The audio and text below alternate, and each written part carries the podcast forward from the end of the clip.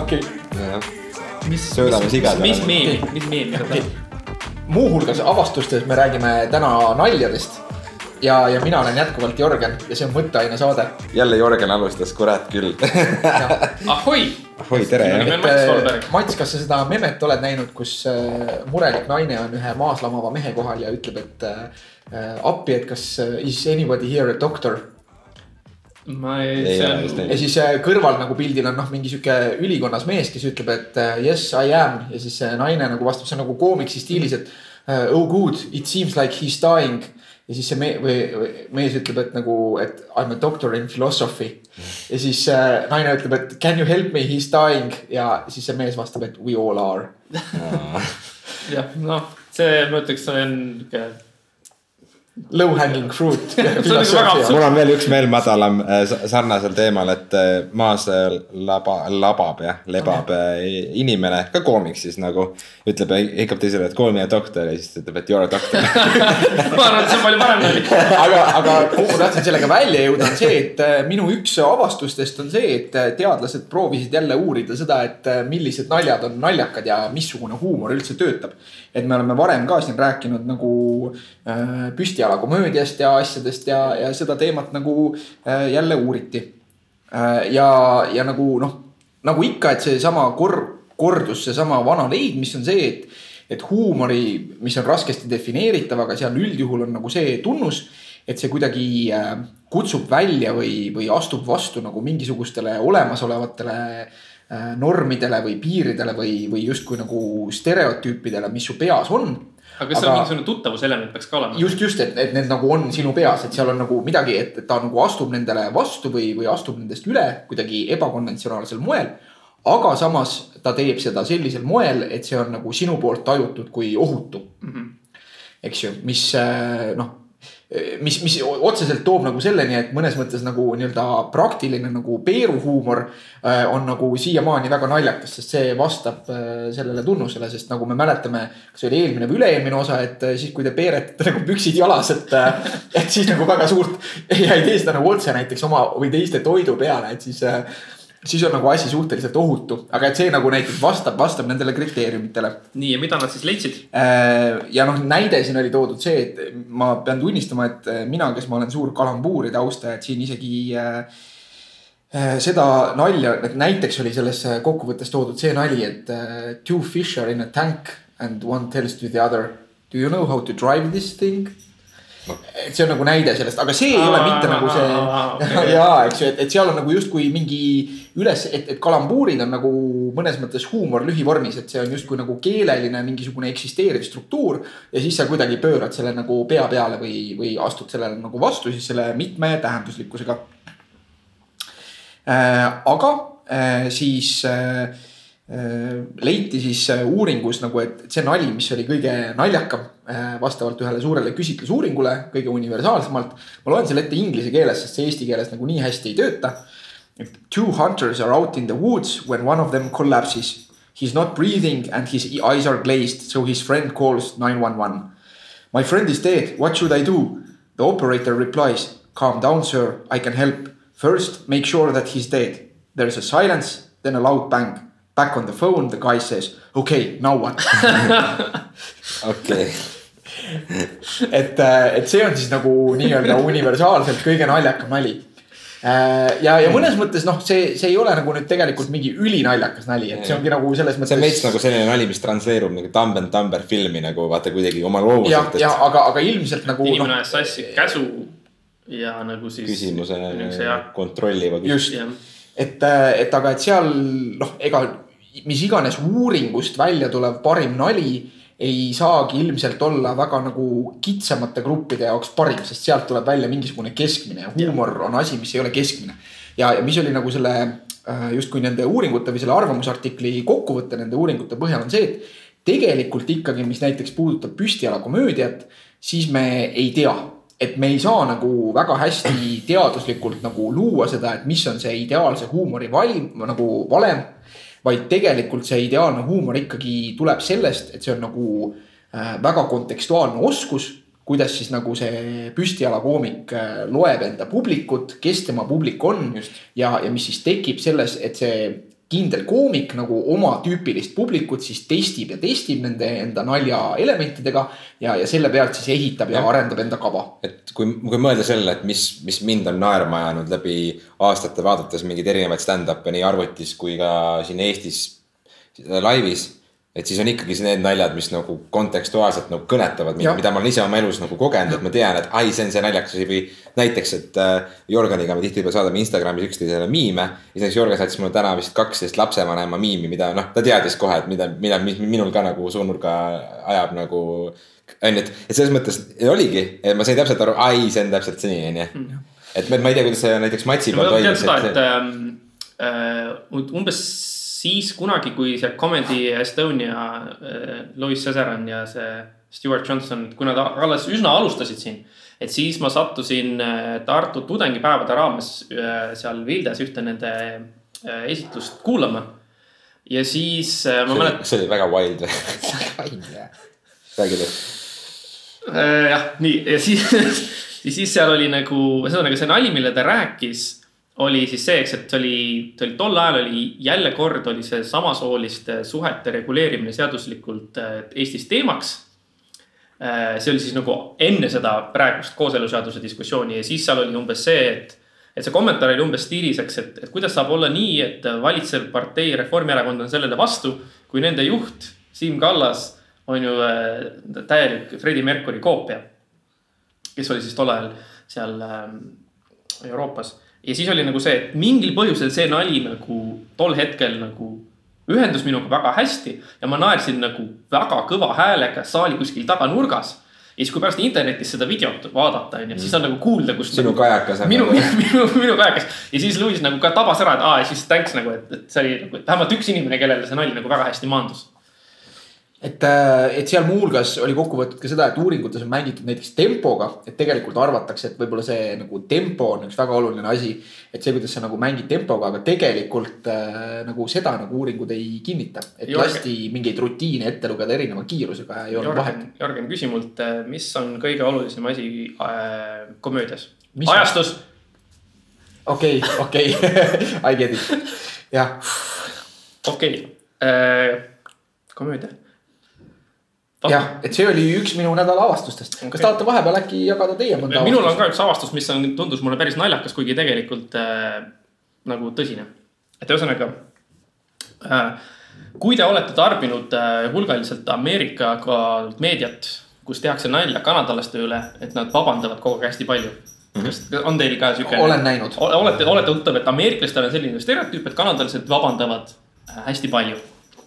ja ja ma sain teada, et äh, alles üsna hiljuti, see äkki oli kaks tuhat üheksa, võeti Kanadas vastu selline seadus, mis äh, ütles, et niisugustes nagu äh, õnnetus või nii-öelda nagu süüolukordades, noh näiteks on autoõnnetus või, või noh, mis iganes, ma ei tea, täna mingi maja pealt kukub kellelegi mingit lund pähe või mis iganes, niisuguses olukorras on ju. et kui keegi vabandab siis nagu juriidilises mõttes see ei ole äh, märk süü tunnistamisest. et kuna kanadalastel on see vabandamine niivõrd nagu veres, et siis ongi nagu see, et on mingisugune liiklusõnnetus, keegi sööb kellelegi otsa, tuled autost välja ja sulle esimene reaktsioon on vabandada selleks, et väljendada oma nagu niisugust kaastunnet või empaatiat, et aa, näe, sul läks halvasti mhm, millegi poolest mm -hmm.. aga okay. eh, nagu tavapärases mõttes võiks öelda, et aa, kui sa vabandad, siis see on nagu vaikimisi, sa tunnistad seda, et sa oled süüdi selles asjas, mis juhtus aga siis ongi see, et, et nad tegid sellise seaduse, et nagu nendes teatud olukordades vabandust ütlemine ei ole nagu juriidilises mõttes nagu siis nii-öelda nagu süü tunnistamise aluseks või see ei ole nagu märk sellest, et tunnistatakse süü. see on päris huvitav tegelikult ja, ja noh, nagu see on, see on väga loogiline, et miks. aga samas on see, et nagu, et see on miski, mida nad teevad nii palju, et nad pidid selle jaoks tegema eraldi seaduse. et noh, nagu natuke naljakas. no see vabandamisega üldse seoses endal nagu läheb mõte jooksma sellega, et äh, ma olen ise hästi palju kuulnud enda tuttavatelt märkusi viimase kahe aasta jooksul kuskil laias laastus, et ära vabanda nii palju, miks sa vabandad kogu aeg. või et, äh, et, et ma olen märganud ise ka, et ma ütlen tuttavale, kes näiteks ütleb mulle, et kuule, et ma lähen, kas, sa oled linnas? ma olen, ei ole, ma olen kodus, puhkan. ahah, et okei okay,, mul ei ole kellegagi praegu hängida, et ma lähen ja siis istun üksinda, mul on selle kellani vaja aega parajaks teha. siis ma ütlen talle I m sorry põhimõtteliselt, et nagu ja ma tunnen nagu, et, et noh, see ei ole otseselt minu koht vabandada, sest et see on sama suvaline, kui ta küsiks kellegi teise käest seda. aga mul on selles mõttes, ma ütlen talle sorry, et nagu sorry, et sa pead üksinda olema aga. sa see ütled on, nagu, et I m sorry that you are such a lone loser. jah, räägime naljadest. aga näiteks üks koht, kus mina kohtan tihti vabandamist ja kus mina ütlen inimestele, et ärge vabandage, on, Kanadas. on, ei, on siis, kui, kui ma tegelen tudengitega ja tudengitel on see, et tudengid kas jäävad oma tööde esitamisega hiljaks või nad ei saa loengusse kohale tulla või neil on mingi muu selline probleem ja, ja.. siis nad nagu vabandavad ja siis ma alati nagu ütlen neile, et ärge vabandage, et nagu et mina ei kaotanud midagi, teie kaotasite. et nagu sina ei pea, mina, et noh, selles mõttes, et noh nagu Te põhimõtteliselt võiksid sina nendele vabandada, et kuule, mul on väga kahju sinust. mul on kahju, et sina jäid ilma sellest, eks, et nagu, et, et teeme, tudeng ei peaks minu ees vabandama, sellepärast et nagu ta ei ole nagu mulle mingisugust liiga teinud. ja kui ta nagu tööga näiteks üle tähtaja, siis sa ütled, et vabandust, et sa ei saa positiivset hinnet. jah, Jah, üldiselt küll, et tähendab, kui, kui vähegi võimalik on, siis ma püüan nagu inimestele, ühesõnaga niivõrd-kuivõrd tudengiks olemine peaks inimest valmistama ette edaspidiseks eluks mm. -hmm. et siis ma üks, üks oskus, mida ma, üks ülekantav oskus, mida ma püüan oma tudengitele õpetada, on see, eks, et tähtajad on selleks, et neist kinni pidada aga räägime sellest, me oleme kõik kolmekesi omal, omat moodi nagu õppetööga seotud õppejõuametiga. et äh, kuidas teie. Või olnud, sest mina just, nagu just, et noh, mina värskelt olen väga vähesel määral, aga kui puutun ka sellega kokku, et mulle õpilased kirjutavad meile viimasel hetkel, et hei, ma olen haige või et mul on mingi töö või noh, mingid asjad.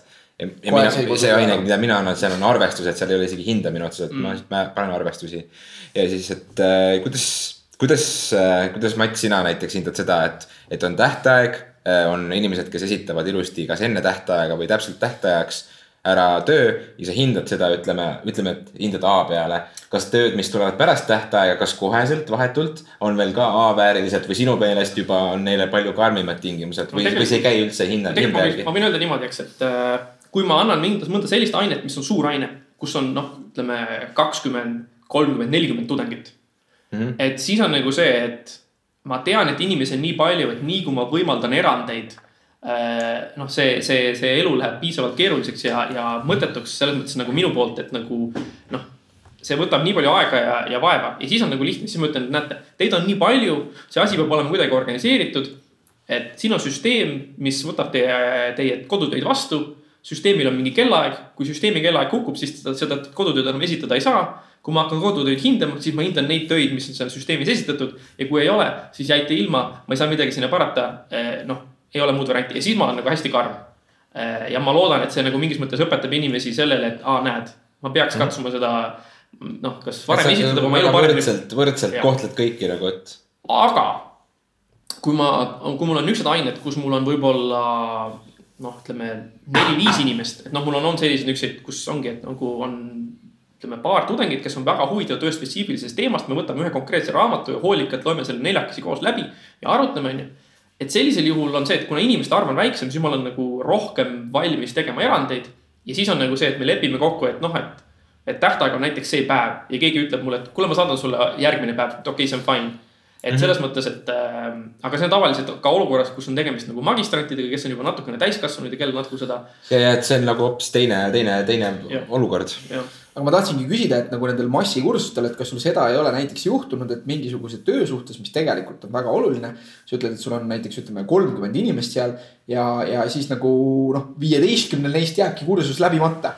Äh, nii suuri ei ole mul juhtunud siiani, aga no selles mõttes, et äh, ma, ma, ma, ma tunnen, et ma peaksin sel hetkel tegema südame kalmik, kalgiks ja ütlema, et aga sorry, ma ei saa nagu erandeid tegema hakata, see on nagu see, et kui ma nagu praegu nüüd järgi annan, siis on nagu see, see on esiteks nagu teiste tudengite suhtes ebaaus, kes tegid õigeaegselt.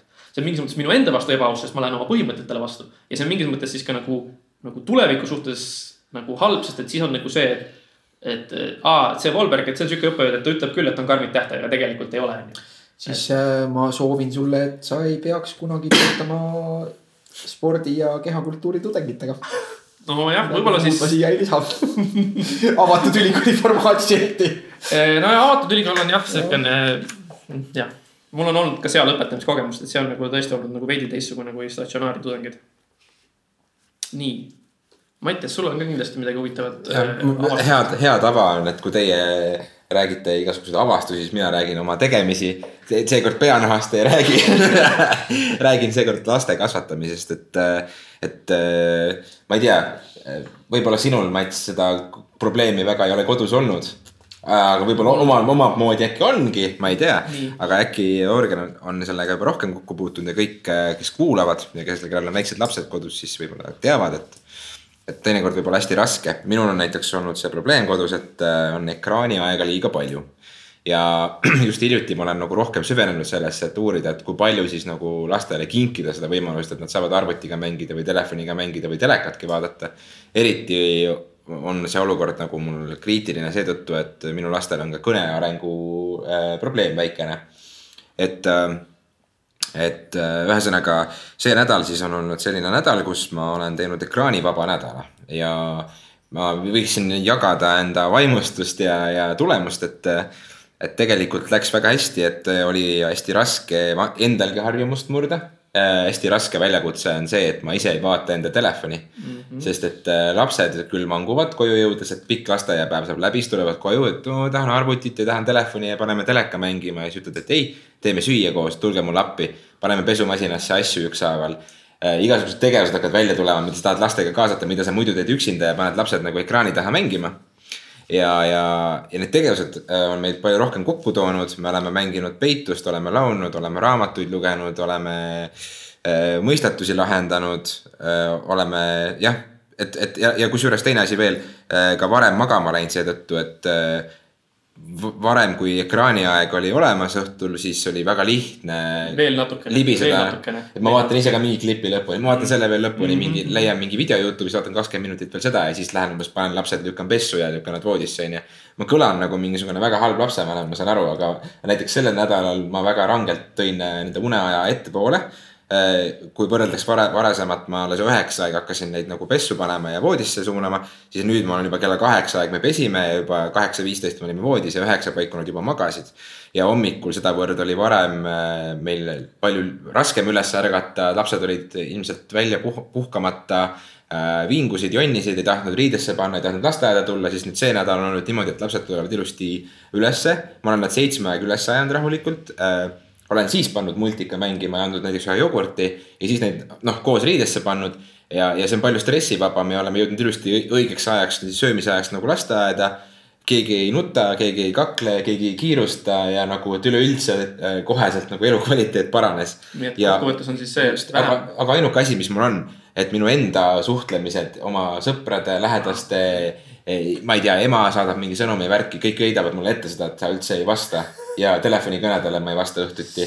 aga see on huvitav tähelepanek selles mõttes, et ka mina äh, sain natukene nagu võõrandada ennast ekraanist ja oli päris hea tunne nagu, et õhtul ma olen lasteaiatoas, panin nad magama ja ise ka nagu püüdsin varem magama minna ja iga õhtu see välja ei tulnud, aga aga noh, selles mõttes, et äh, suur erinevus on sees, et äh, ka täiskasvanud inimesena see ekraaniaeg, see mõjutab seda, kuidas sa, kui me seda Kene saadet, mis me tegime äh, Kene Vernikuga siin eelmine aasta, siis seal ka see jutt oli tegelikult väga aktuaalne, et see, kuidas sa ekraanidega enda silmi enne magamaminekut stimuleerid, enda aju ka stimuleerid, et see on ikkagi väga suur faktor sinu unekvaliteedis ja sinu tervises.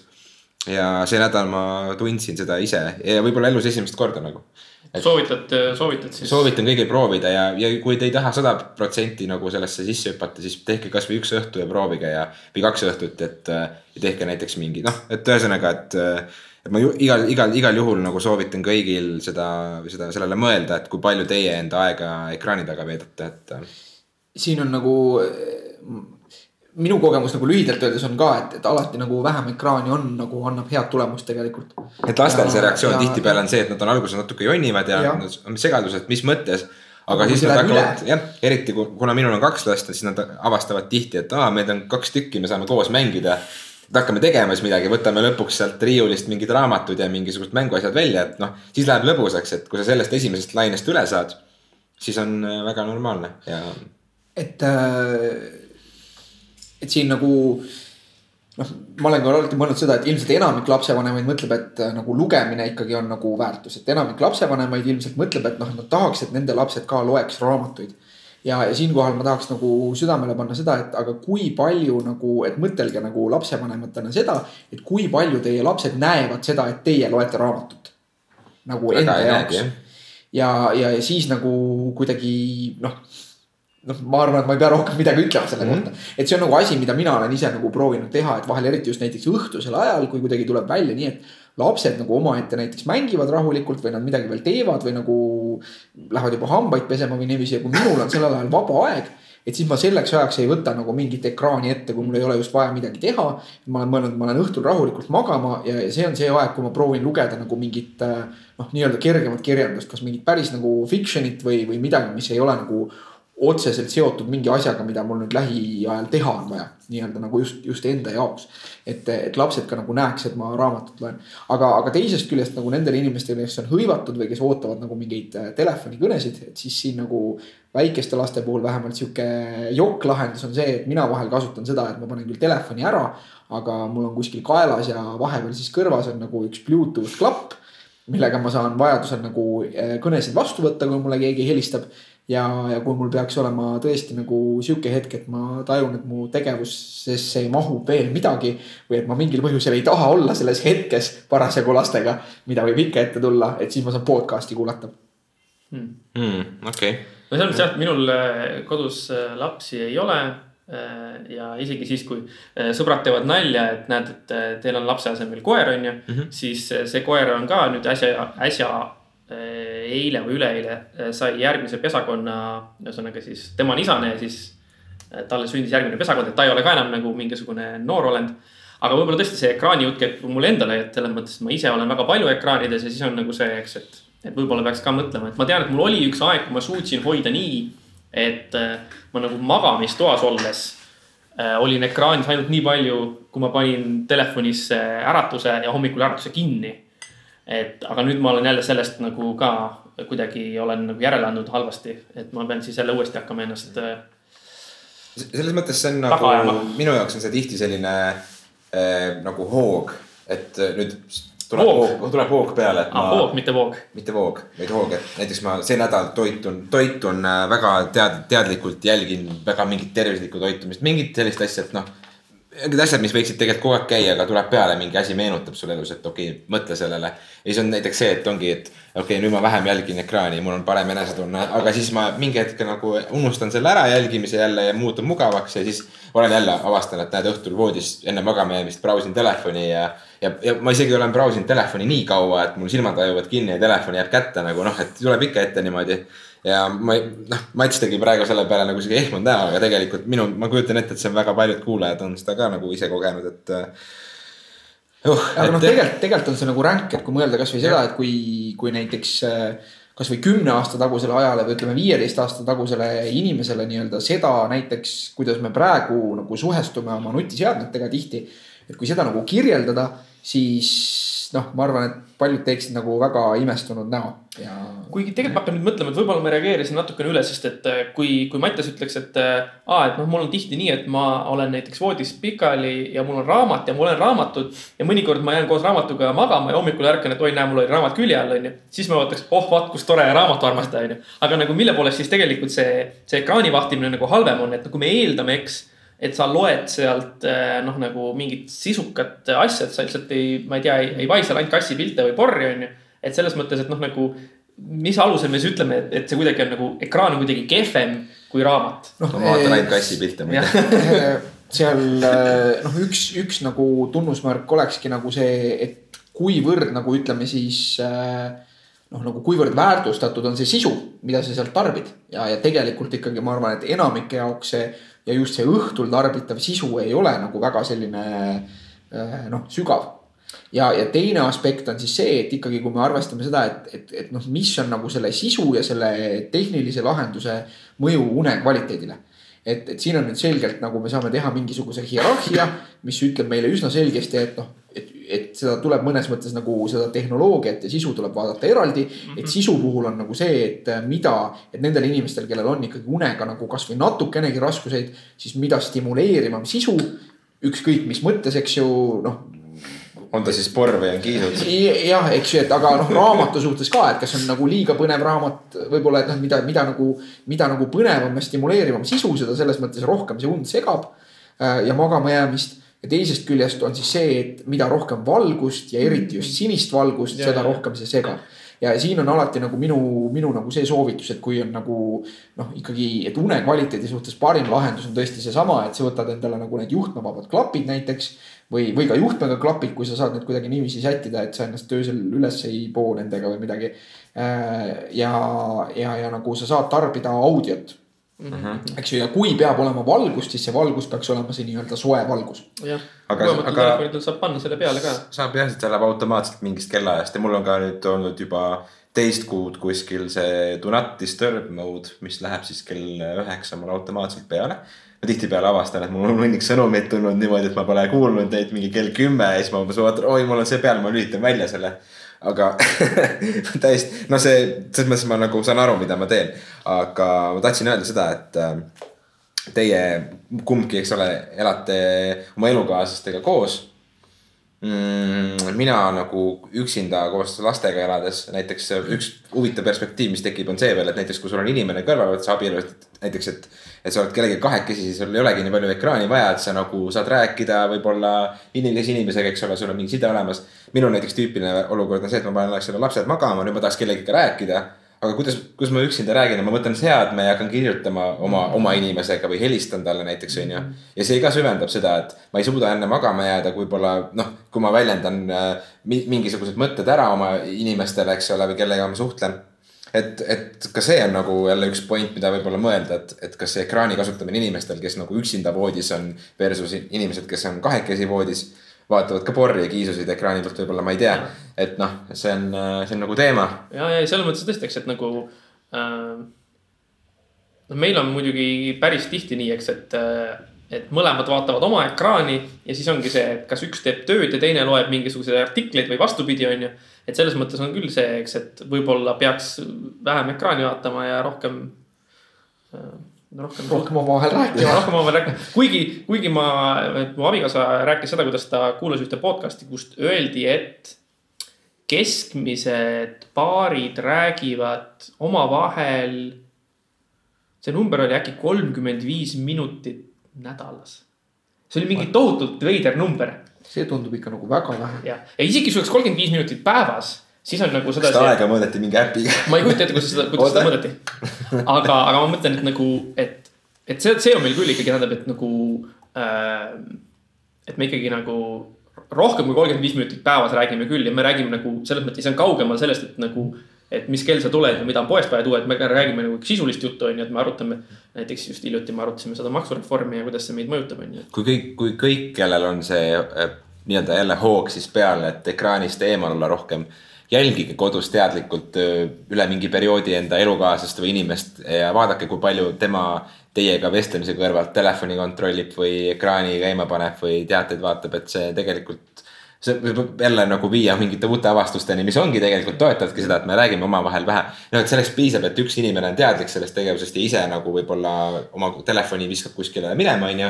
aga siis sa ikkagi paned tähele, et teine inimene, kelle, kellega sa pole kokkulepet teinud, et hei, et ärme nüüd telefoni kasuta see nädal väga palju. võib-olla sa paned kohe tähele, et tegelikult oled ise sama, samamoodi olnud võib-olla aastaid. noh, seal on küll ka nagu küsitav see, et, et kui palju see lihtsalt on ajas see formaat muutunud mm. -hmm. sest väga stereotüüpne pilt kuskilt kuuekümnendatest või seitsmekümnendatest on ju see, et näiteks hommik, ühise hommikusöögi ajal pereisa ei vaheta enda laste ega naisega mitte ühtegi sõna, sest ta loeb hommikust ajalehte ja teda sellel ajal segada ei tohi mm. -hmm. Yeah. mis, mis noh, teatud mõttes on nagu võib-olla sarnane selle, selle võib-olla see väljund on erinev, aga see allolev mehhanism sellest, et me inimestena ei taha tegelikult kontaktis olla sellega, mis hetkel toimub ja nende inimestega, kes meid päriselt ümbritsevad et, et see on võib-olla siiamaani nagu sama. või alternatiiv on siis see, eks, et, et nagu mõlemad loevad, ütleme, et noh, meil on siis, äh, et mõlemad loevad mingit ajalehte või mõlemad loevad oma ekraani on ju, aga siis on nagu vastastikku see, et näe, vaata, mina lugesin, sest minul on tihti seda, et mina loen hommikul mingisuguseid uudiseid või vaatan asju. ja siis mu abikaasa küsib minult, et no aga mis maailmas juhtub või et noh, raporteeri mulle tagasi, et mis on maailmas põnevat, on ju. Mhm. et siis on nagu see, et ma refereerin talle ja mõnikord on niimoodi, et tema luges midagi ja siis tal on see asi ees ja siis ta räägib mulle sealt seda, on ju või, või on see, et meil on mingi diskussioon ja siis on see, et ahaa, aga vaata nüüd ikkagi järgi. kuidas sellega täpselt oli. et selles mõttes, et noh, nagu, et siis on kohe Vikipeedia on lahti mm., Google on lahti, et ühesõnaga, et mis on need faktid, mis on need, mis on see, need numbrid, on ju. et selles mõttes noh, nagu äh, ei ole alati halb, eks ekraani omada. aga siit nagu lugemise koha pealt, mul on tegelikult hea lülituda nagu ühele teisele avastusele, mis no, mul oli, mida kuulajatega jagada. et üks äh, Inglise majandusanalüütik äh, jagas nagu minu meelest väga armsat sellist arvamuslugu või, või nagu õppekokkuvõtet sellest et kuidas nagu lugeda statistikat. ja, ja seal nagu viimane punkt tegelikult oli see, et äh, just see, mis Mats praegu ütles, et kui sa noh, nii-öelda see oli siis selle kohta, et kui sa loed midagi, mis justkui on mingi uudis, kus on, mis sisaldab siis nagu väljendit, et äh, statistics sees või, või science sees või midagi mm -hmm. sihukest. Rootsi sõltumatu äh, instituut. jah, et viimane punkt oli seal, ta tegi sellest ka nagu sihukese lühikese postkaardi vormis kokkuvõtte. ma tervet artiklit ei refereeri, me paneme lingid saate märkmetesse et be curious, kus, kus siis alapeatükk oli see, et go another click. ehk, ehk siis nagu, kui sind mingisugune artikkel või teema huvitab tõesti ja, ja sa tunned, et see kuidagi kas ühest küljest, kas siis on kooskõlas või ei ole kooskõlas sinu maailmapildiga. sa ja, ja see, see on kuidagi nagu oluline info sinu jaoks siis, siis uuri veel, et, et nagu vaata, mis värk äh, täpselt on. ja, ja kui seal on mingisuguseid üllatusi sinu jaoks või vastuolusid, et siis ära nagu jäta seda kohe kõrvale, vaid võta seda pigem kui sihukest huvitavat müsteeriumit, mida, mida nagu lahendada. Äh, ja, ja, ja võib-olla nagu ma toon siit välja veel äh, mõne nagu esimese punkti, et, et alati selliste nii-öelda justkui praegu on meil palju seda ja, ja see nii-öelda fake news ajastu ja kogu see värk, eks ju. alternatiivsed faktid. alternatiivsed faktid ja, ja, ja kõike seda, et.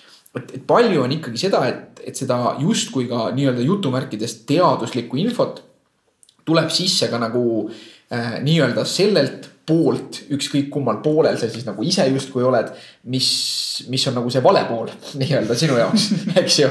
et, äh, et, et, et see esimene samm peaks olema alati see, et kui sa nüüd miskit loed et siis sa äh, jälgid nagu enda tundeid.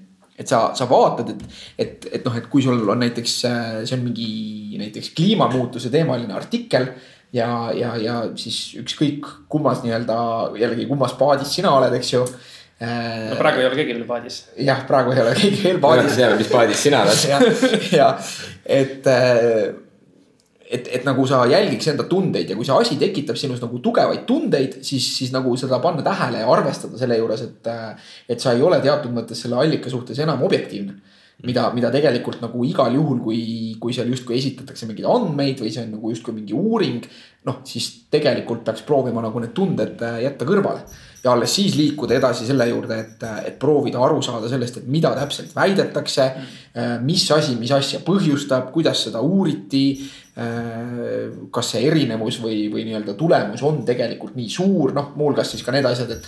et sellest me vist oleme varem ka saates rääkinud, et see kuskil öeldakse millegi kohta, et see on nagu statistiliselt oluline erinevus.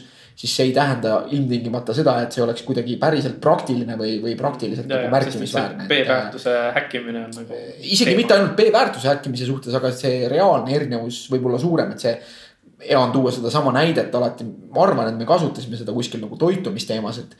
et, et kui võrreldakse nagu mingisuguseid dieediprogramme, mille abil inimesed võtavad kaalust alla mm, -hmm. siis tihtipeale nendes uuringutes tuleb välja, et, et üks programm, et programm A on parem kui programm B statistiliselt oluliselt ja, siis nii-öelda selle programm A nagu müüjad või, või nagu fännid kuulutavad seda, et näete, et programm A on parim. aga, aga need suurusjärgud tihtipeale on seda, et uuritakse tegelikult näiteks tugevalt ülekaalulisi inimesi kes siis näiteks äh, kaotavad enda kahekaalust äh, programmis A nagu viisteist kilo ja programmis B nagu neliteist kilo aasta jooksul. Mhm. eks ju, ja, ja see ühe kilogrammiline erinevus on statistiliselt oluline aga, aga samas nagu ka see, kui inimene suudab kaotada neliteist kilo enda suurest ülekaalust, on talle väga kasulik. ja, ja, ja seetõttu tegelikult peaks sealt nagu see nii-öelda take home message nagu sellistest uuringutest on tegelikult see, et me näeme, et erinevate inimeste jaoks ilmselt töötavad erinevad asjad et kõik ei tööta võib-olla päris sama hästi, aga see erinevus on üliväike. mis tähendab seda, et inimestel on tegelikult vabadus valida seda dieediprogrammi, mis äh, oleks nagu paremini kooskõlas nende üldise elustiili ja hoiakutega, mitte nad ei pea kõik valima seda A-d. sellepärast, et sellega on nüüd võimalik äh, nagu näiteks viis protsenti rohkem kaalu langetada, sest see viis protsenti nagu selle numbri juures on tegelikult tähendusetu mm. -hmm vot, et väga-väga nagu sihuke ladusalt ja mõnusalt kirjutatud, kirjutatud artikkel. Kusjuures see on huvitav, et sa hakkasid rääkima sellest äh, toidukavast ja dieedist ja kaalu langetamist ja asjadest, et. ma tahaks jagada mingit äh, väikest siukest mõtteseeriat, mis mul viimased nädalad on mind nagu igapäevaselt nagu kummitanud ja see on huvitaval kombel nagu ringiga tulnud selleni välja, et ma ükskord äh, oma kallist nutitelefoni kasutades käisin siis App Store'is. ja seal on iga päev on seal mingid soovituslikud äpid nagu, et ongi tasuta äpid, et umbes mingi äpp of the week on seal umbes tasuta, muidu on nagu mingi tasuline äpp ja nii edasi. Ja seal, no mind, mind on paelunud see mõte, et ma tahaksin enda toitumist korrastada. ma tahaksin äh, rohkem aktiivne olla, et võib-olla trenni ette võtta jälle üle pika aja. ja siis ma olen vaadanud igasuguseid võimalusi, et kas ma hakkan näiteks spordiklubis käima, kas ma võtan endale äh, toidukava, mille eest äh, ma maksan mingi paarkümmend eurot, kus on äh, ette pandud kokku mingi plaan. See on väga populaarne Eestis praegu, üks on äh, väga tuntud, üks toitumisnõustaja, kes meedias kogu aeg räägib. teine on üks Tartu kohalik ettevõte, kes ka, kes on mingi spordiklubiga seotud mm -hmm. ja, ja nad kõik reklaamivad ennast Facebookis ja Instagramis mulle pidevalt, et, et liitu soodushinnaga, et maksad kaheksateist eurot, saad kolm kuud toitumiskava, et siis on hea nagu poest osta, et ei pea õhtul mõtlema, et siis kaotad iga kuu, iga nädal ühe kilo ja mingid sellised lubadused ja, ja siis ma hakkasingi mõtlema, et tegelikult nagu mind noh, natukene ärritab see, et, et äpp, mis ütleb mulle, et ma saan endale six-pack'i, maksab mingi neli euri, on ju, et ma maksan näiteks selle äpi eest, oletame. ja siis ma pean hakkama trenni tegema, mida ma tegelikult oskaksin teha, niisama ilma selle äpita. siis on toitumiskava, see raha, mille ma võiksin tegelikult toidu peale panna, kui ma natuke ise hakkan mõtlema rahulikult. et, et mul justkui seda kava endale tellida ei oleks vaja, aga, aga äkki on, et ma ei tea, äkki ma, äkki ma ikkagi ei tea ise nagu seda, kuidas ma peaksin toituma. et see on nagu selline, see on selline noh, pidev nagu see mõte, et ma mõtlen, et äkki ma see nädal alustan mingisuguse kavaga, proovin. siis ma mõtlen, et kurat, et tegelikult ma ikka ei taha seda kahtekümmend või kolmkümmend eurot maksta selle eest, et nüüd võib-olla nädala aja pärast plaan nagu troppida ja mõelda, et kurat, et ma teen ikkagi oma, oma kava edasi. mis, mis on aastate jooksul nagu tõestanud mulle, et minu enda toitumisharjumused pole minu jaoks piisavalt ranged ja korralikud, et ma suudaks näiteks äh, kaalu langetada mingi periood, et mul on mingid lisakilod, millest ma tahaks lahti saada.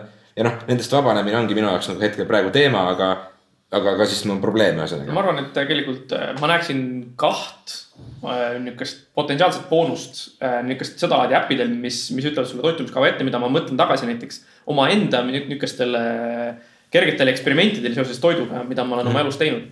et üks asi on ilmselgelt see, eks, et äh, ma noh, ühesõnaga, kui see asi ütleb sulle ette, siis on nagu see, et sa oled nagu mingis mõttes selle ülesande oma elust äh, noh outsource inud. et see on miski, mille, millega sa ei pea tegelema, see on, see on nagu tehtud, sa ei pea sinna kulutama vaimset energiat. sa lihtsalt nagu, sul on nagu see, et tee seda, sa ei pea mõtlema, et noh, nagu. me oleme kõik olnud, olnud selles olukorras, et me väsinud peaga oleme toidupoes ja mõtleme, et mida fuck'i ma nüüd korvi panen nagu. jah, ja siis on nagu see, et ja teine asi on lihtsalt nagu, no see on nagu see, eks, et sa oled selle ülesande andnud kellelegi teisele, keda sa saad usaldada, kes ütleb sulle, mida teha ja, ja noh, välismaistes riikides pakutakse ka teenuseid, kus sulle tuuakse need toidud koju ukse taha, onju. ja siis on, sa oled nagu veel rohkem oma aega säästnud selleks, et tegeleda mingite teiste asjadega.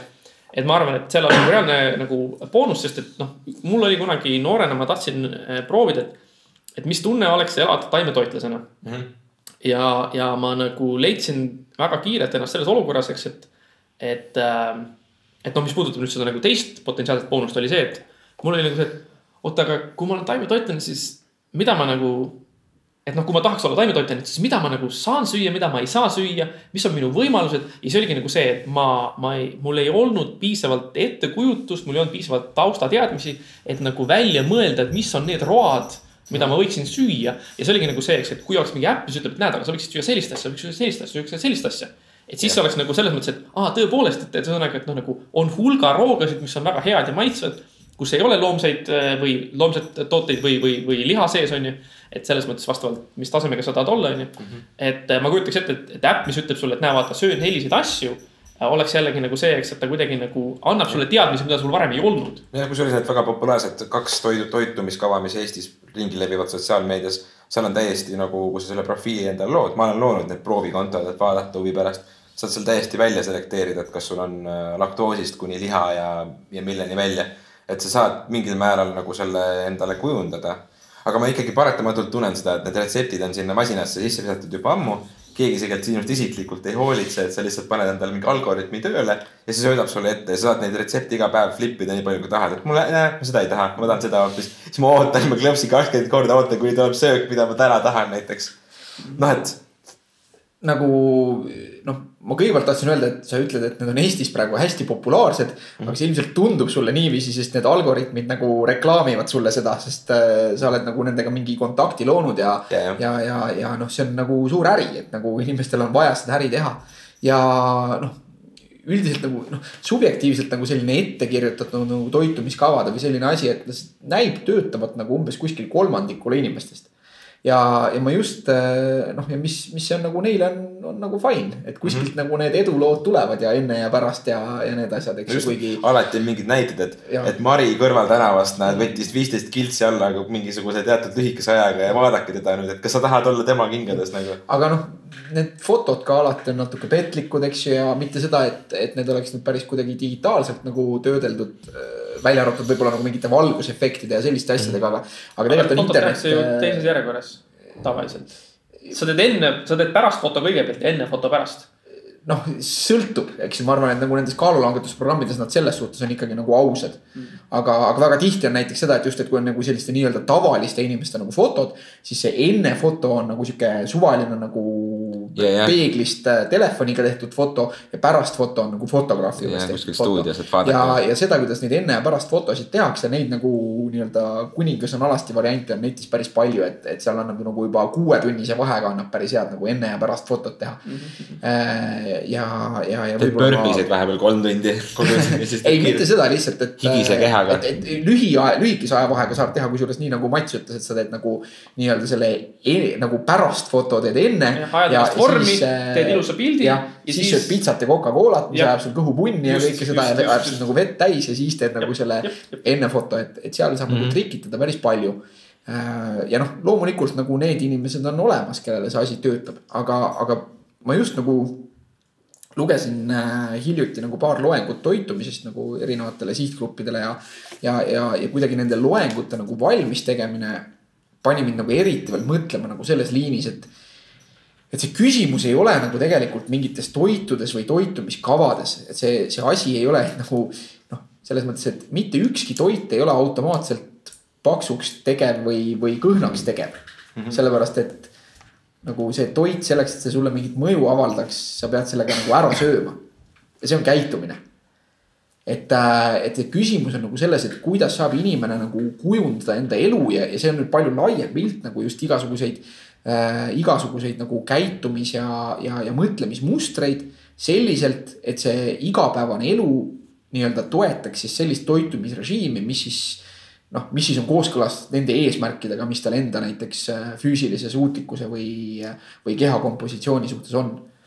et, et see oli nagu üks mõte ja, ja teine mõte, noh, kuna ma lugesin päris palju ka just nagu siuksesse füsioloogiasse, mis on nagu näiteks kaalukaotuse taga. on see, et kui keegi on ikkagi ülekaaluline, siis sellesse nagu kaalulangusesse, ülekaalulisuse seisundist ja, ja ma mõtlen siinkohal nagu seda tehnilist terminit, et, et kehamassiindeks on juba seal üle kolmekümne eks ju, siis seal tihtipeale nagu esimene, esmane kaalulangus on päris lihtne, eks ju, aga inimesed langevad tagasi pärast sinna. või, või siis nagu edasi üldiselt sinna nagu enda sellesse kaalu, kus nad olid, et see on nagu uuringutes selline väga tavaline tulemus. ma, mul on äh, enda peres on olnud niimoodi, et, äh, et üks väga lähedane inimene, kellel on olnud äh, ühel hetkel elus väga suur ülekaal on mingisuguse imedieediga, mis on hästi piirav ja hästi piinav ja hästi raske on möödunud mingisugune kahe-kolme kuuga nagu mingi meeletu koguse kilosid alla. ja siis ta on umbes aasta-kahega nagu tagasi tulnud ja siis ta on uuesti teinud seda mm.. ja siis ta on jäänud sellesse tsüklisse ja iga kord, kui ta seda teeb, siis ma nagu mõtlen sellele, et nii vähe, kui ta ka ennast nagu toidab selle ööpäeva jooksul. et kui ta autoroolis on, et ära ei mine, sest kõik need asjad, et noh, et see on tegelikult väga ja ma ei kujuta ette, mitu aastat enda nagu elust sellega tegelikult maha kulutab, kui, kui see on nii.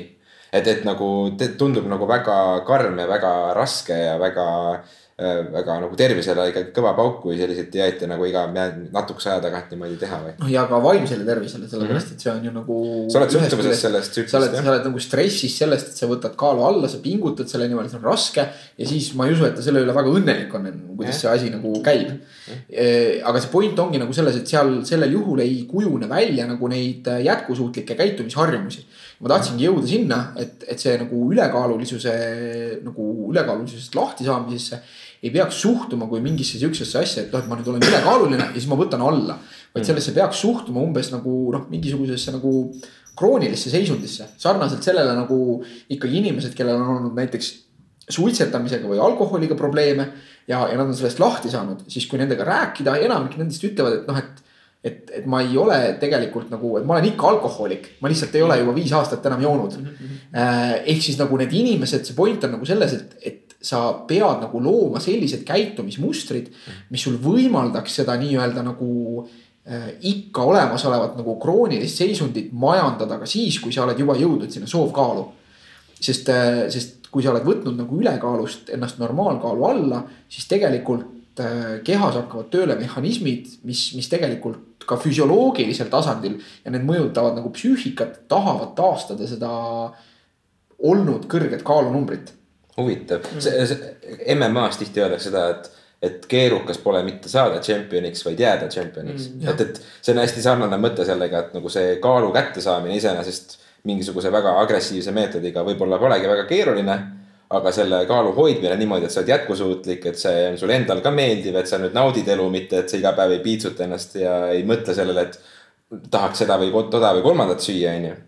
Noh, et. minul lihtsalt ma hakkasin mõtlema selle peale, et mu elus on olnud üks periood, kus äh, ma põhimõtteliselt siis nagu aasta jooksul kaal äh, kõikus tohutult. Äh, noh, ma, see mõte või see, see, need numbrid olid umbes niimoodi, eks, et et äh, novembri, ei, vabandust, siis oktoobri alguses läksin ajateenistusse ja ajateenistusest tulin kaheksa kuud hiljem välja. ma olin neliteist kilo raskem, sest et ma lihtsalt sõin nii palju. ma kuidagi lihtsalt sõin, sõin, sõin, sõin palju, sõin regulaarselt, alati sõin kõik ära, onju. ja siis äh, sellele järgnenud suve jooksul kolme kuuga äh, ilma iga, ilma teadlikult sellega tegelemata, ma võtsin kuskil kuus kuni kaheksa kilo alla. aga see on ka tegelikult tavaline et nagu selles mõttes, et sinu puhul see lihtsalt protsess oli vastupidine, et see sinu nii-öelda loomulik seadistuspunkt oli madalamal. Äh, sa võtsid sellest oluliselt ja seda nagu uuringutes ka näha sedasama asja, et kui inimesed nii-öelda nagu söödetakse ülekaalu, siis nad äh, ilma erilise pingutuseta tegelikult nii-öelda tavalised inimesed langevad sinna alla tagasi.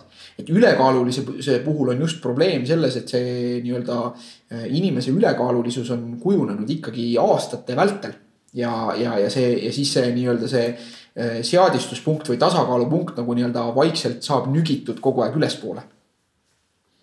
See on, äh, see on põnev, see on põnev jah, et mul on ka näiteks üks tuttav, kes käis äh, kaheksa kuud vist oli või üksteist kuud oli Austraalias, läks farmi tööle, nagu paljud lähevad, et lähevad mingi aastaks ära. ja tuli sealt tagasi, ta oli vist mingi sama palju kuid, kui mitu numbrit ta kuudi oli ära, siis nii palju kilosid oli ta juurde võtnud. Mm. Siis tuli välja, et ta tegelikult töötas farmis traktoris ja iga päev burgerit, nii et nagu istuv töö ja rämpstoit ja kiirtoit ja. mis on, kõik on käitumised, et lõppkokkuvõttes see, mis meid, mis nagu mõju, mõjutab meie nagu äh, keha kompositsiooni ja, ja sooritusvõimet kõige üldisemalt, eks ju, mitte ainult söömisega seotult et see on käitumised ja, ja sinu puhul ka see, et kui sa nüüd oled äh,, Mattias, enda nagu unerutiini parandanud läbi selle ekraani asja et, et tegelikult nagu noh, väga selge on ka see, et, et nii-öelda mitmel erineval põhjusel äh, enda jaoks kasulikku toitumist hoida on palju lihtsam siis, kui sa oled hästi välja puhanud. sest äh,. keha ei vaja mingisugust äh, kosutust hilisõhtune söömine kaob ära. et, et seal on väga mitu põhjust, et ühest küljest sa lihtsalt, kui sa magad rohkem, siis sellel ajal sa süüa ei saa, kui sa magad. mis, mis on reaalne nagu ja. asi inimeste jaoks, eks ju. ja, ja, ja teine aspekt on see, et magamatus äh, äh, teeb nagu kahte asja, mis on toitumisele nagu kahjulik.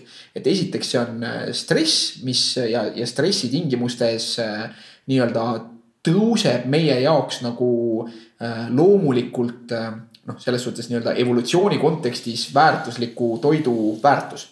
ehk siis nagu me arvame maitsvamateks neid asju, mis on suhkru ja rasvarohked, võrreldes sellega, kui me oleme hästi puhanud mm. -hmm. et, et meie nagu nii-öelda mõistuses see väärtus ja, ja nende ahvatlusvõime tõuseb.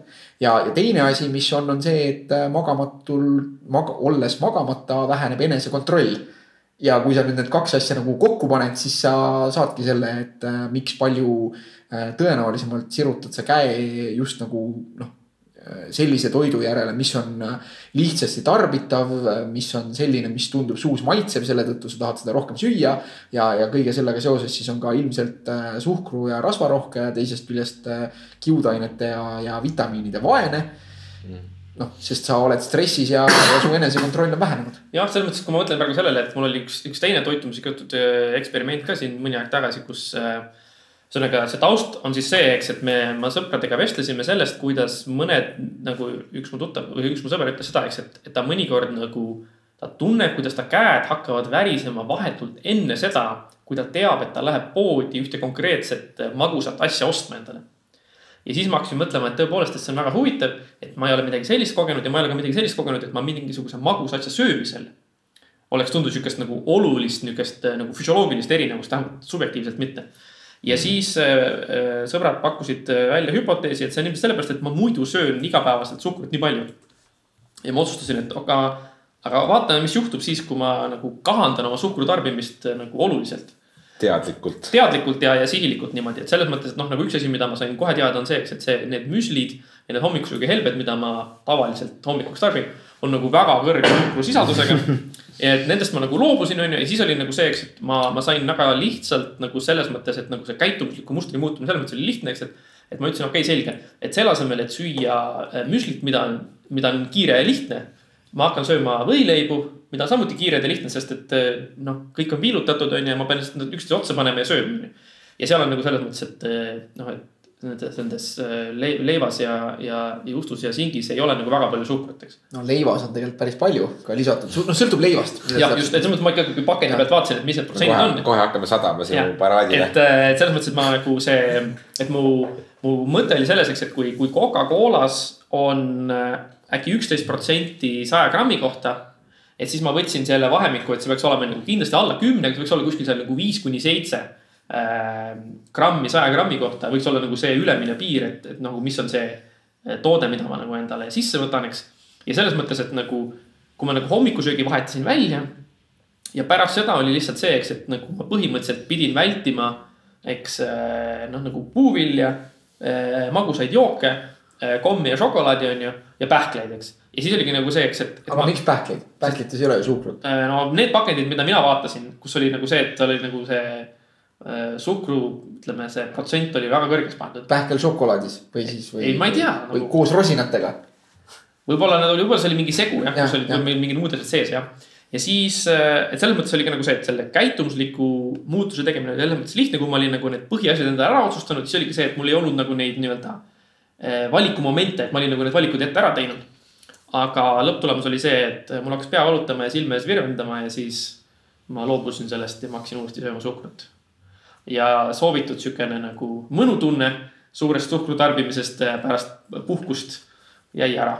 nii et ma pean võib-olla seda kunagi hiljem uuesti proovima pikema, pikema selle. seal üldiselt nagu, kui järsult vähendada üldse süsivesikute tarbimist, kuigi ma kahtlen, kas sul see noh, kas sul reaalselt see süsivesikute kogus nüüd langes nii madalale aga, aga noh, kuskil kaks-kolm päeva kestab see esmane nagu sihuke brain no, fog. mul oli kümme päeva, ma suutsin olla nagu ilma ja siis ma kümnendal päeval, või tähendab siis üheteistkümnendal päeval ma ütlesin, et, et ei.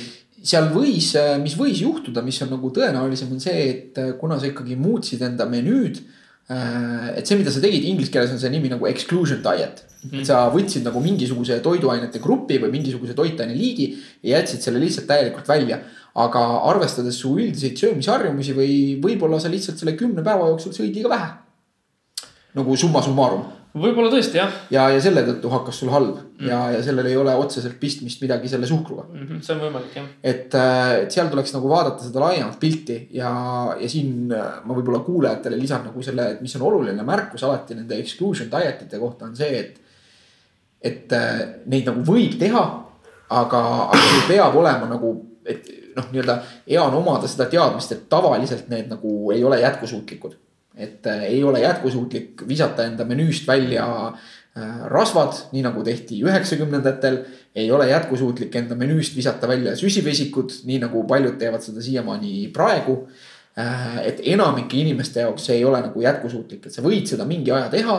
ja, ja näiteks paljudel ülekaalulistel tõepoolest, tõepoolest on nagu hea algus, edukus madala süsivesikute sisaldusega dieetidega äh, aga, aga seal ongi see tagasilangus kipub tekkima seal, kus äh, tekivad esimesed platood ja nad ei plaani seda, seda nagu sihukest nii-öelda järelkäitumist endale või et kuidas siis näiteks tagasi tuua mingid asjad, mida nad väga naudivad ja mm., ja mille järgi kolme kuu pärast lihtsalt igatsus tekib.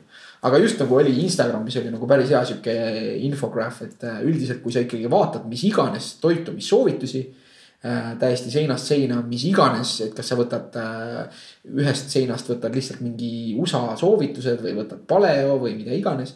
siis üldiselt ikkagi äh, nagu, mis on kõigis ühist, on see, et peaks sööma rohkem köögivilju. ja, ja, ja sellega nagu, nagu, sellega nagu valesti üldiselt ei, ei saa minna just tegelikult jah, nad täidavad ikkagi kõhu ära, kui sa neid korralikult sööd. täidavad kõhu ära. ja neid on lihtne süüa. Neid on lihtne süüa ja neid on võimalik erineval moel valmistada ja, ja kui sinna panna juurde veel nüüd see, et, et tegelikult enamus ikkagi soovitavad süüa ka noh, mingis koguses nagu valku siis on võimalik nagu valgust ja noh, on see siis nüüd muna või liha või mm., või taimetoitlastele siis mingisugune nagu liha asendaja, mida nad nendest köögiviljadest teevad, kas mingi kikerherneste värk või, või noh, kuidas iganes see käib. Et, et laias laastus, äh, kui me sööme nagu valku ja aedvilju palju, siis äh, on võimalik teha toitu, mis on maitsev, aga mitte liiga maitsev jah, ja kuna me elame tulevikus, siis äh, meil on kõiksugu suur valik ju, juurvilju ja köögivilju aasta läbi kogu aeg saadaval. just. ja, ja tegelikult see, see, selle kõigega minu jaoks vähemalt on ka seotud mõtlemine, et, et ülemõtlemine on minu jaoks tihtipeale probleem, et kui ma mõtlen üle selle kuidas ma hakkan pikas perspektiivis, mis kaalu ma tahan kätte saada ja nii edasi, ma mõtlen sellele juba praegu, et ma ei mõtle, ma ei keskendu sellele, et mida ma täna söön, vaid ma mm -hmm. mõtlen sellele, et kuidas kogu see pilt välja näeb mm. -hmm. see on niivõrd ülekaalukas mõte minu jaoks, et ma. jah, täpselt, et, et ma, et ma vajun selle all kokku. et, et nagu, et ma, see see on liiga üle nagu noh, ülekaalukas. et sul on see, et sul on, sul on see kujutus sellest, sellest lõppeesmärgist ja siis sa mõtled sellele lõppeesmärgile liiga palju ja siis see tundub, et kas see on miski, mida ma olen võimeline saavutama, et ma ikkagi noh, et sul on nagu raske alustada, sellepärast et sul on see, et aga mul on niivõrd suur tõenäosus äh, läbi kukkuda. ja, sama, sama mõte on see, et näiteks kui ma olen harjunud näiteks šokolaadi sööma lõunaaeg pärast äh, lõunasöögi söömist. ja ma tahan näiteks äh, magusa söömisest välja ennast juurutada, siis see, et ma tulen kogu selle mõtte juurde tagasi, et ma annan endale selle võimaluse sellele mõttele kohe tulla, et midagi võiks ikka magusat tuua, et mis ma võiks magusat tuua, siis ma hakkan mõtlema, et mis annaks mulle vähem midagi. na, na, na, na, ma pean ära otsustama, et ei Mm -hmm. ja ongi kõik ja ma ei keskendu muudele asjadele, et ma ei, ma ei, ma ei pea kogu ennast nuumama selle mõttega, et aga äkki ma midagi saan võtta ja äkki midagi aitab ja nii edasi. ja see ongi see põhjus, miks kõikidel inim-, noh, mitte kõikidel inimestel, vaid minul tihtipeale nagu äh, asjad lähevad kuidagi venima ja lähevad käest ära jälle, et ma annan endale liiga palju järgi, et võib-olla resoluutsus ja selline konkreetsus ja vähem mõtlemine ja konkreetselt rohkem tegutsemine eesmärgipõhiselt äkki aitab ka. no üks asi muidugi jah see, eks, et ma nüüd ei tea, kuidas Tartus selle teenusega on, et äh, mu sõbrad rääkisid, peaks nagu olema, eks, et äh, sa saad ju nagu tellida endale siis äh, poest toidu koju. Tartus ei saa. kindel? täiesti kindel. okei okay., et ühesõnaga, et nagu noh, kui sul see teenus oleks, et siis oleks mingis mõttes see, eks, et sa nagu, sa teed nagu selle valiku mingisuguses olukorras, kus sa oled nagu äh, ärkvel ja suurima energiatasemega ja, ja, ja parima impulsi kontrolliga eks, ja sa paned selle nimekirja kirja ja siis need tooted tulevad sulle koju ja siis on mingis mõttes see, eks, et sul puudub ka nagu see võimalus teha seda viga. või sul puudub võimalus nagu just. järele anda mingisugustele asjadele. see on äh, iseenesest väga hea variant, sest see on nii-öelda aitab kujundada enda seda toidukeskkonda, sest nagu ma ka enda loengutes ütlesin. et äh, sellel on põhjus, miks äh, lihameister on poodides pandud kuskile kaugele taharuumi aga saiakeste küpsetamise ahjud mm -hmm. on äh, enamasti kuskil, kus nad on nähtaval ja mm, -hmm. ja kindlasti nagu on see rõhk tunda. et, äh, et, et nagu selles mõttes see nii-öelda kapitalistlik ühiskond mängib siin meie vastu mm. -hmm. Nad mängivad meie sõna otseses mõttes instinktidel -hmm. selleks, et kätte saada meilt raha ja, ja ostlemine virtuaalselt, näiteks toidu ostlemine on väga hea võimalus selleks, et sa teed endale mingisuguse standardnimekirja ära ja, ja, ja sa, see on sul iga nädal sama ja sa tead, kui palju sul umbes näiteks nädalas läheb mingit äh, piima, kohupiima, jogurtit, palju mune on ju, need asjad on kogu aeg samad. loomulikult viskab see pood sulle seal ka reklaame, et oo, et äkki sa tahad veel ühe Snickersi osta või midagi sellist. aga sellele on palju lihtsam öelda ei, kui olles tühja kõhuga seal poes, kus need asjad on nagu tõesti käeulatuses. isegi kassa kõrval veel ja, ja kassa kõrval, et sellel on ju ka, sellel on ju ka põhjus Äh, ja mõtle, kui palju sa aega sellega säästad mille, mille sa saad kõik panna näiteks siis oma, oma, oma lähedaste ja, ja sõpradega suhtlemisele. kusjuures üks hea point veel kiirelt äh, aja säästmise ja, ja ka selle magusaletiga kassa juures on see, et enamikes poodides on nüüd need kliendikaardid, mis käivad siis nende äh, piiksumasinate külge. et lähed poodi sisse, näiteks Maxi Marketis või Selveris. iseteeninduskassad. just iseteeninduskassad, et ma olen igal pool hakanud neid kasutama, et ma tegin endale kaardid ja mul on tihtipeale see, et ma löön selle kaardi läbi, võtan kohe koti, hakkan asju sisse piiksutama ja, Ja. ja ma lähen sinna kassasse, panen selle masinasse tõmban kaardi läbi ja, Ja. ja ma, ja ma reaalselt näen kõrvalt, kuidas mingi pikk rodu inimesi, kes Ja, pole selle ja, süsteemi peale veel tulnud Ja., seisavad veel samas kohas, kui mina juba olen põhimõtteliselt nagu liigun parklasse, onju. Mhm. et nagu selles mõttes, see on ikka väga, väga suur ajasäästlikkus ja see on juba järgmine samm minu jaoks nüüd selleni, et okei okay,, nüüd hakatakse koju ka tooma toitu. Et äh, minu jaoks on alati see iseteeninduskassades, mul on kuidagi äh, kurb vaadata neid möögi, müügitöötajaid, kes on äh, seal nagu nii-öelda need abistajad. Ja, ja ma alati vaatan neid ja Nad siis mulle ootavad, tundub et see, sul tekib mingisugune häda, aga tegelikult et, tekib lihtsalt. et tere, et ma olen siin selleks, et ma saan aidata masinatel ennast asendada. nojah, tähendab minul on aga olnud, noh, see on, see on progress. minul on olnud, minu kod-, kodumaksimas on olnud seda, kuidas need nagu. Need kaalud on vist nagu need kaalud, mis kaaluvad seda, kas see toode, mis on pärast, pärast skaneerimist ka sinna asetatud, on ju. et need on natuke ebatundlikud või need liialt tundlikud või midagi sellist, et mul on olnud tihti seda, kuidas on see, et nagu. et äh, masin ütleb, et kaalud ei, ei klapi. ja, ja. see on, see on probleem ja ma olen seda Maximates ise nagu ka kogenud korduvalt erinevates Maximates. küll aga äh, see, see süsteem siis, et sa kogud äh, asjad korvi ja lähed Ja. sinna ja kaalud ise, piiksutad läbi koha peal mm. -hmm. on minu jaoks palju problemaatilisem kui see, et mul on juba piiksumasin käes, ma käin poes ringi niipea, kui ma panen ta endale kotti. ma piiksutan ta kohe ära mm. -hmm. See tähendab seda, et ma ainult kassas pean lihtsalt kaardi läbi tõmbama Ja, ja, tšau pakaa onju. tähendab, ma mingi, selle kohta ma tahaks nagu rääkida väikse loo, kus oli sedasi, et ma mm, läksin siis, mis see on seal raudtee ääres, see on Veeriku Selver või? just, jah, ma läksin sinna ja mul oli nagu olukord, kus oli see, et mul oli kahe loengu vahel pool tundi. Ja ma läksin sinna sisse, ma mõtlesin, okei okay,, ma tahan äh, võtta umbes ühe saiakese, ma tahan võtta ühe puuvilja ja mingi väikse pudeli, ma tahan kolm asja võtta. ma tahan need võtta, kiirelt läbi piiksutada ja sealt äh, poest ära kaduda, et ma saaks minna tagasi onju ja süüa neid enne kui loeng algab. ja siis oli olukord, kus oli see, et ma sammusin poodi sisse, ma võtsin oma kolm asja, ma jõuan kassadesse ja ma vaatan, et seal on tohutu pikk järjekord. ja siis on see, et aa, ma võiks ju kasutada iseteeninduskassat, aga see eeldaks seda, et ma pean minema kuskilt selle masina otsima ja pean hakkama tegelema ja siis ma mõtlesin, et kuulge, Selver, et äh, teil võiks olla ikkagi selline süsteem, nagu on teistes poodides, kus on see, eks, et noh, ma lähen oma asjadega selle masina juurde ja piiksutan seal läbi ja lähen kiirelt minema. ja ma kirjutasin isegi neile kirja selle kohta, et ma arvan, et teie süsteem võiks olla teistsugune, aga hiljem ma olen inimestega vestelnud. ja ma olen leidnud, et äh, tõepoolest on see, eks, et, et kui sa ostad palju asju mm. ja kui sa ikkagi nagu nii-öelda mingis mõttes nagu planeerid ette, siis tegelikult selle masinaga võtmine ja piksutamine äh, on tihti parem, sest et seal üksik asja ü,, nagu üksi igat asja tõsta ja piksutada seal kassa juures on äh, tegelikult suhteliselt tüütu ja aeglane. et nüüd ma hakkan mõtlema, et võib-olla see Selveri süsteem on isegi parem kui kui, kui teistes. juurutavad ühe probleemi juba eos aga noh, selles mõttes, et kõik need, kõik need ka need kohapeal piiksutamise kassad, kus sa saad ise, ise piiksutada, on ka nagu samm edasi sellest, et sa oled järjekorras tihtipeale. küll aga noh, ma olen näinud, et järjekorrad on seal ka juba, et inimesed kasutavad nii palju neid. aga noh põhiline värk on ikka see, et käid poes ringi ja kuuled, et kõik piiksutavad ümberringi, et see on nüüd nagu asi. no see ongi, et kui iseteeninduskassades on äh, järjekorrad, siis järgmine samm on ilmselt see, et selles konkreetses poes on äh, üks inimteenindusega kassa vähem ja kolm iseteenindusega kassat rohkem, mis mahuvad sellele samale alale ära. jah, jah.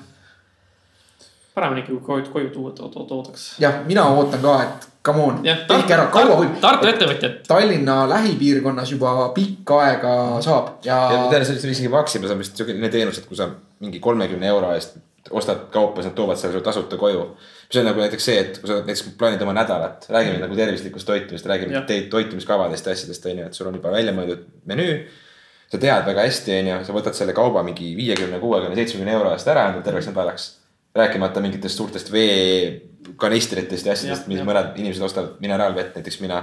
siis kõik see tassimine, see vaev jääb ära, inimesed toovad sulle ukse taha selle ja praktiliselt ilma tasuta, sest et sa Mm. ületad selle ja samm edasi on siis see, et ma teen seda ost-, ostlemist lihtsalt äh, veeb, mõnes veebiaknas, eks. et see ei ole ju tegelikult keeruline. just, tehke ära. Tehtagu huh.. No ja nii. nädala what the fuck meie kõigi poolt on see, et miks seda juba ei ole. just, miks ta juba ei ole ja saate lõppu veel üks tervitus, et kui me siin vestlesime toredasti, siis minu te- telefoni tuli üks sõnum meie iganädalaselt kuulajalt Joonas Tanilt, kes ütles, et juba väga ootab järgmist saadet ehk siis seda saadet. ja kui sa kuulasid lõpuni, siis tervitused sulle. tšau, Joonas. tšau. üldse meile on vahepeal tulnud toredaid nagu fännisõnumeid meie Facebooki lehele ka. Et äh, kus nagu mingit Jaa. konkreetset küsimust või asja ei ole, et, et seetõttu me ei ole hakanud neid ette lugema. aga, aga ka sellised sõnumid on äh, väga teretulnud ja, ja me alati oleme valmis arvesse võtma teemasid või küsimusi, mis just teil on. jep, tervitused äh, sulle, Jüri, on tema nimi Jüri, kes kirjutas meile viimane kord äh, pea, peanaha teemal, et, et on ka sarnastel, sarnastel käikudel käinud. et äh, nüüd sa siis nagu halvendasid ka tema Tinder game'i, jah, just täpselt, aga keegi ei tea, milline, milline Jüri. see Jüri kõik Jürid Tinderis said praegu. okei, tšau korra. ka, järgmisel nädalal uued asjad. kuulake meid homme Raadio kahes, kus me räägime prioritiseerimisest, aja majandamisest, aja majandamisest ja, Ja ja maja ajandamisest. just. jah, okei okay,, tšau. tšau